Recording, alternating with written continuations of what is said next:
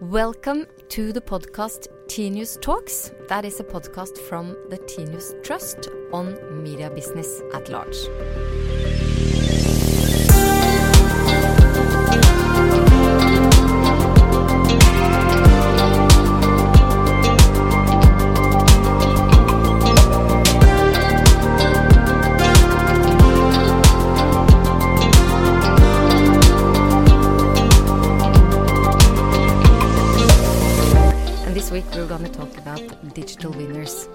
And how uh, the media business can excel in the digital age. And our guests today are prominent, I would say. It's uh, Morten Hansen, professor at Berkeley, uh, part time working also for Apple, and also being an advisor for Schibsted Media Group. Welcome. And on my left hand side is uh, Jon Gunnar Pedersen, your partner in Arctic Securities. Uh, you're also an advisor for Schibsted Media House and as well for the Tinius Trust. And I'm head of the trust, Kjersti Løken.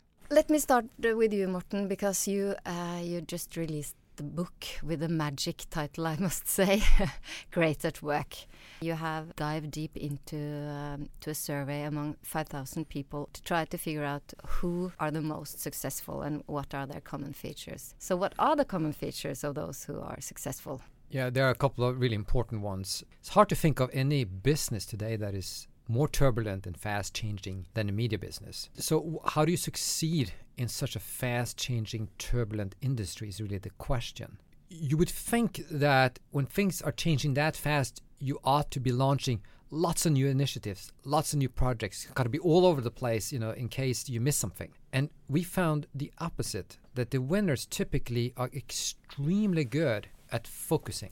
They select the markets, the customer segments, and they do an excellent job in those chosen areas. And you can't excel by across many different segments and products and markets. It's exceedingly difficult. Maybe the very very large companies can do that, but most companies, especially the smaller ones, would struggle. So the key success factor is that you got to you need to decide as a leadership group where do you want to focus. You can't be everything to everybody, and that principle is really important. And what we found is that most companies and most managers do not do that. They sort of get distracted mm. and lured by temptations or whatever mechanism to unfocus. Mm. Jon Gunnar, you've followed the media business for many, many years. The tendency not to focus and uh, the urge to focus, does that correspond to your experience with the media business as well? Uh, yes, it does, and I think uh, I think Morten is onto something extremely important when it comes to how management responds to rapid change and, and a turbulent environment. A very normal tendency for risk averse managers would be to seek many alternative solutions. You'll want to have a backup solution, a plan B, a plan C, a plan D. And management often has to spend a considerable amount of time on planning for contingencies uh, for which they hope uh, they'll never have any use. So when you think about the limited amount of time available to managers and uh, how how much time they need to spend on being successful and outperforming something in something they're good at, it's easy to see that when they also have to plan for a number of alternatives, some of which are probably very good, but some of which are are, as they say, backup alternatives, the things you want to do if everything fails, well, then a lot of management resources are wasted on things you'd rather not pursue. Morten's uh, perspective is from the Silicon Valley, and it's easy for him, I think, to say mm. focus. But if you're a, if you're a media house in in Norway, in Scandinavia, isn't that to focus just to to lose the battle against the uh, the big tech giants and and uh, and be doomed to a to a place as a, as a little little tiny thing in the in the media world? Well, in in some instances, possibly so. Uh, I mean, there are platforms which are suited for worldwide global scale. But I think that there are others in which the worldwide global scale is only a technology. And when there's a content, where there's an editorial side, where there's a cultural preference to use that technology for a slightly different purpose, but if you, I agree that if you look at the highly successful companies and the most successful leaders in, in business, they tend to be extremely focused people. And rather rather than one company pursuing five different business ideas, you let the investors invest in five different companies with one idea each. But Morten, the media, also including the newsrooms, have been criticized for being too slow on changing and maybe risk averse as well. Don't you think that the, the message to focus can, can be sort of uh, misinterpreted as a message of uh, stick to your old story? It can, yes. And I think that's a danger. Then you are focusing on the past, you're not focusing on the future. But if I take uh, the case of Schibsted, for example, you know, you started with online marketplaces and you could have, somebody could have said, well, let's just do Sweden and Norway. And, and then you will hit the growth ceiling. And then you would say, okay, now we need to do something else in marketplaces. We need to add something else, right? And then you would be less focused. But instead, you know, the leaders at back in those days said, let's take this idea and go global and go to other markets and been very successful in doing that. And that is what American companies do, right? They say, I got one very good idea, it works really well, I'm super focused. And instead of then branching out to other businesses, I'm going to see how far I can go with that idea in other markets. If you're an editor of a, of a local based newspaper, then how could you take this idea of both focusing but also thinking big if you are the editor of a local uh, media house of some sort, as, a, as an editor, you it, it, depends really on what your product is. If your product is an idea, then you could be looking for several channels to distribute that idea. Local dominance because you produce a local product, and the channel is really not part of your product. The alternative is also to hook into a large media organization, like, for instance, Schibsted is, and that's probably a reasonably sensible way to do it. If you wanted to expand USA Today, it probably wouldn't have much of a market outside outside the United States. But the technology which is inherent in USA Today and their publishing platform and their advertising platform, etc., that could probably have a global global impact on a global scale. Morten, is almost impossible to, to attend a conference uh, on media and uh, not listening to, to examples like Apple. And still, I, I often ask uh, myself, shall we learn from them? Should we be, be afraid of them? Or should we partner with them? What would your advice be to a leadership group that is trying to focus focus on their uh, business model. Some of these companies are platform companies. So they created platforms that you could then utilize. And then other times you're clearly in direct competition with, with them. And so it depends on the situation. I don't think there is an easy answer to it. I think there are in certain areas where those global tech companies have an advantage. I think you, you, you were sort of pointing to that, like when there are products or technologies, where there's maybe not so much local content. Everywhere where you need local content, then it's difficult for these global tech platforms to be localizing their content in 100 markets. Take newspapers, I mean, there people want local content. Th- that is a local business to some extent, and and there you have an advantage that they will never have because it's going to be so costly and so marginal for them. At the same time, you can see that even small upstart companies uh, eventually can become very big companies as well. One of the uh, challenges you have in uh, areas where the markets have been developing early is that even the, those market leaders who get the dominant position will, especially if they're unfocused, tend to get stuck in their tracks I lived in the US recently for a couple of years, and I was astounded by the number of US industries which are dominant, dominated by companies whose technological solutions wouldn't stand a chance in uh, countries like Denmark, Norway, and Sweden. The Scandinavia is far ahead, and the US is way behind. I mean, I still use a checkbook. I mean, a paper checks. Do you? To pay, yes. You're the last man on earth. no, no, the country is the last country on earth to do it. Mm. Of course, that's how you pay people.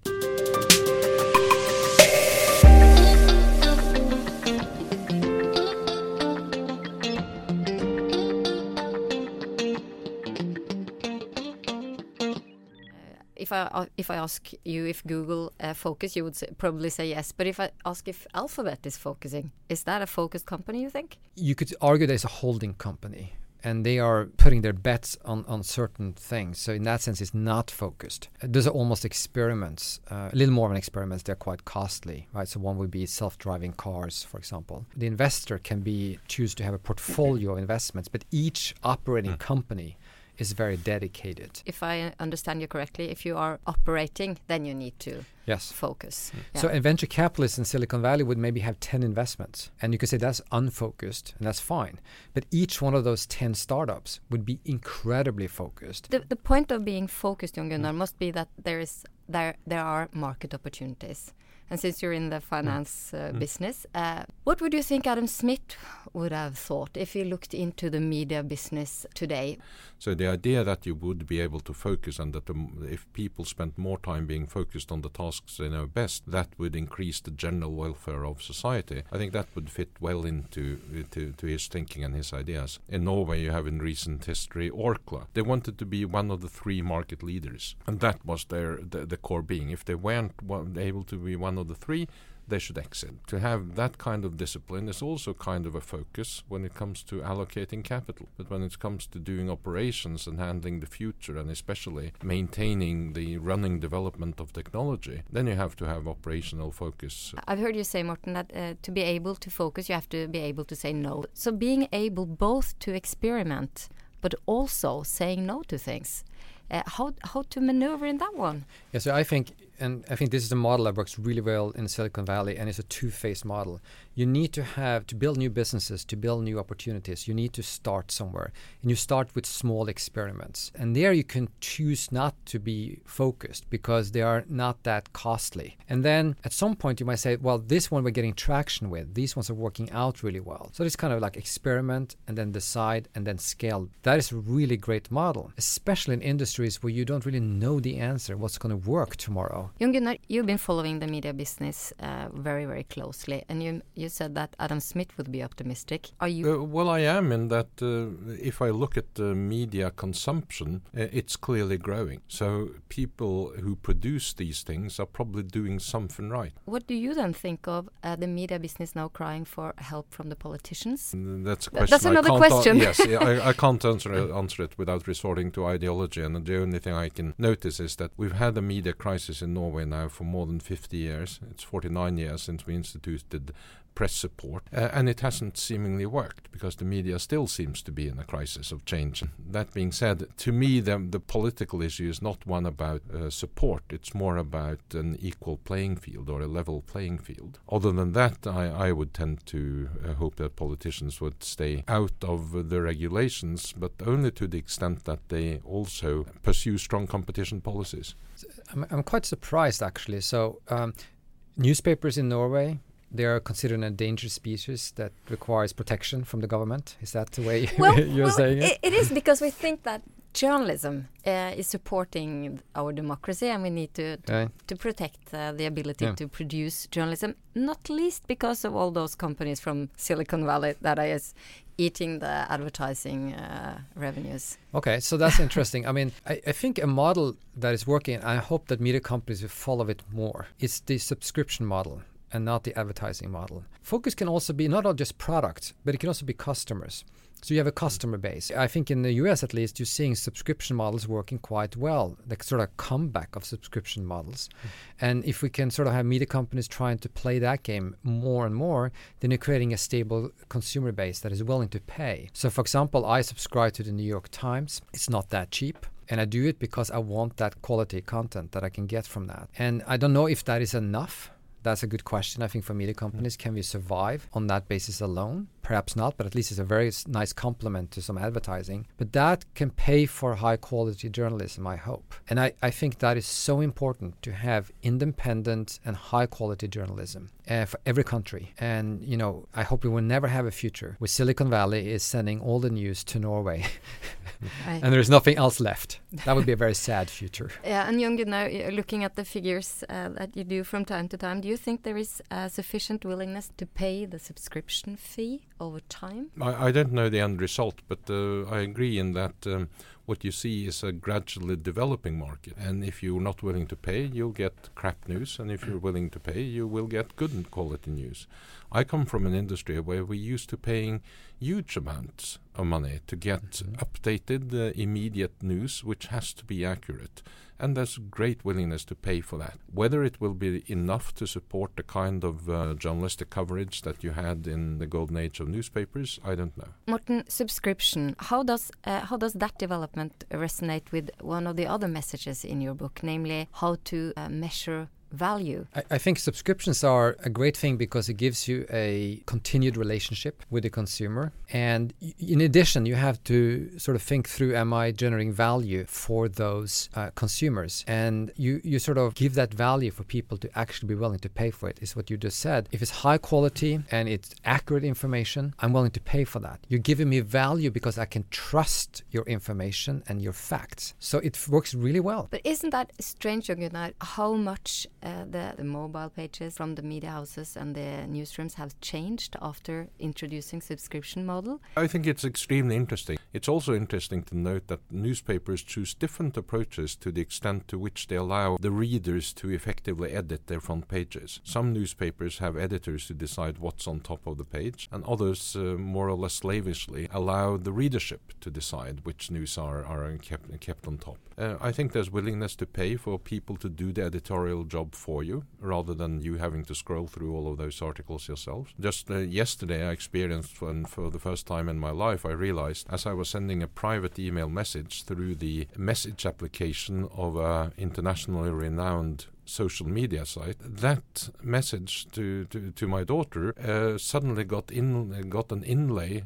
of um, uh, of classified media advertising. And then I mentioned a website, and immediately that website hooked an advertisement into a private email I sent. Uh, for firstly, I didn't realize that they did that thing. Secondly, I realized that when they have this kind of commercially based institutionalized electronic hacking of my communication, I will be willing to pay to avoid that in the future. Okay, uh, Morten, uh, last year uh, Google sent out, uh, I mean, a positive uh, press release that we are now going to stop scanning your email, which is, I mean, it's absurd that they've done that for, for, for a long time. And and we talk a lot about trust in the media business, but isn't that an example that trust isn't really that important? Yeah, but, let, but let's face it, in the advertising based model, you, the consumer, you are not the consumer, you are the product. And your product, your information, everything, including your private, so called private email and message, mm. is sold to the advertisers. And in that model, it's, it's, it's very difficult. Um, to break free. I mean, you're sort of saying, I'm, I'm, willing to give you all my information because I'm getting something free in return. That's sort of the contract. And I think more and more of us would say, I don't want to be in that contract. I think we're seeing a drift there. And uh, if you put this a little bit of perspective, five years ago, I was far more pessimistic. For example, we thought 10 years ago that ebooks was going to take over the entire book market. Which you're looking at ebooks today, they haven't, and they're not going to. Uh, we thought that all the newspaper would disappear and we would just have some digital news. That hasn't happened. Uh, we fought in retail space in the US. It's just a matter of time before Amazon is going to kill all the retailers. Actually, right now, there's a resurgence of physical store retailers in the United States. So we're seeing the pendulum swinging in different direction because not everybody wants everything given to them in this kind of contract model where I'm selling all my information. So I think we are seeing some new trends. And I'm hopeful that this other trends where people will pay for getting that quality and that privacy. I hope that trend is growing. Just to, just to wrap up, and let let's take uh, let's bring with us the messages that you have in your book. You have to focus to be able to to obsess and then uh, be a successful uh, partner. Is it worthwhile taking up the fight against the big tech companies? You think for the media business? I think it's vital for a country like Norway and Sweden and others to have a thriving country-based media business and you can serve a lot of customers in those markets and be quite successful. And I think instead of saying we're just going to be run over by these companies, I think is what what can we do that's unique to us, like local content, and how can we get that out in the best possible way, uh, and you know maybe put a subscription model behind it and other things. Then I think it's, it's definitely worth it and it's important, and it can be a great business too. I think it's a combination of the two. When you think, Jon Gunnar, is it worthwhile, or are they just too big? And we haven't mentioned even the Chinese companies. Mm-hmm. I think there is a business model out there where people will be willing to pay for the information which they require So as long as there is an interest to do that, I think that, that there is a viability in some kind of business model as people get used to more used to the subscription idea and the, the, the, the idea that you can get something of quality for free that doesn't really exist I think that you are transmitting some optimism. Uh, I will just um, say thank you very much for, for joining us at uh, this episode of Tinius Talks from the Tinius Trust. I'm Kjersti Løken Stavrum, the head of the Tinius Trust. Thank you very much. Thank you for having us. Thank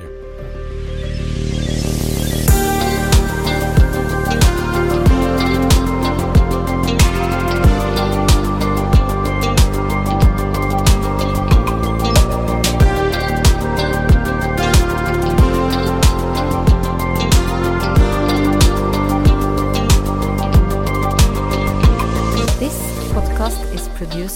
By Korslien for the Tinius Trust.